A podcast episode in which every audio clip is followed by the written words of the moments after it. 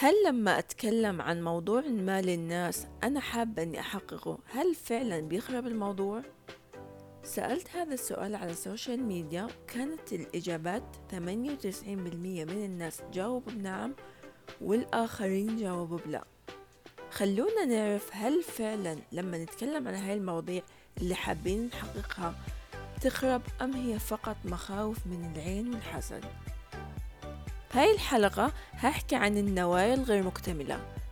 أهلا وسهلا فيكم ببرنامج دقائق صحة نفسية مع دانا حمدي.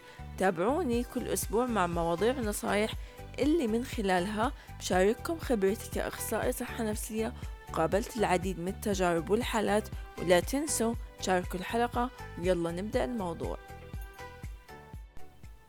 لما إحنا ننوي إنه نحقق نية أو هدف معين هذا الهدف أو النية لازم ياخد وقت للاكتمال بعيد عن الناس ووعيهم وآرائهم لأنه بالبداية الأهداف أو النوايا بتكون ضعيفة وغير مكتملة. لأجل الاكتمال محتاج طاقة عالية جدا. بعض الأحيان طاقة وذبذبة رغبتنا في تحقيق الهدف أضعف وأقل من طاقة وذبذبة الراغبين في عدم حصوله. فلذلك الكتمان بيخليك تحتفظ بطاقة أهدافك نظيفة وبسريان وخارج عن مقاومة الآخرين فبيتجلى الهدف أسرع وأفضل وممكن بعد الاكتمال أنه نخبر الآخرين فيه. وهذا السر ورا أنه أغلب الناس اللي جاوبوا أنهم مجرد ما يتكلموا عن هدفهم فالهدف بيخرب لأنه الطاقة غير مكتملة وتأثير الآخرين ومقاومتهم للهدف هي أعلى. الحل أنه لما يكون عندي هدف أو نية أبدأ أعملها بدون ما أتكلم فيها.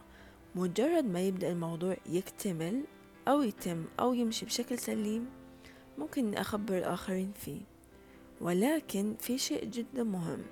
كثير من الناس بيسقط في نقطة التكتم بالهدف أو النية أو موضوع ما بدافع الرعب من العين والحسد وكتمانهم للموضوع هذا بيجيب لهم خوف جدا عالي أن الآخرين يعرفوا عنه. وهنا حابة أنوه أنه أغلب الأشخاص اللي بيكونوا بهذا الطبع بيكونوا بالأصل هم بداخلهم طاقة الحسد جدا عالية. فبالتالي بخافوا أنه الآخرين يحسدوهم فبضلهم أربعة وعشرين ساعة هم كل حياتهم أسرار هم على طول خايفين الناس تحسدهم هم على طول خايفين إنه يتكلموا في موضوع عشان الناس هتحسدهم خايفين إنه أحد يعرف في الموضوع فالموضوع ما يتم. أي حد بيبالغ بهذا الموضوع ومرعوب من العين والحسد بشكل مبالغ فيه أو دائما النية بتكون خلف التكتم هو عشان العين عشان الحسد هو لازم يعالج نقطة العين والحسد من جوا لأنه بالغالب بيكون هو عنده هذه الطاقة جدا عالية فبتنعكس على الآخرين. فبالتالي بشوف إنه الآخرين هم اللي بيحسدوه ولكن بالأصل هو الإنسان بيكون حسود. فمهم جدا نشتغل على هذه النقطة. وهي بعض المعلومات اللي حبيت إني أوضحها أو أشاركها معكم بهالبودكاست. بتمنى إنها تكون فادتكم وبشوفكم بالحلقة القادمة.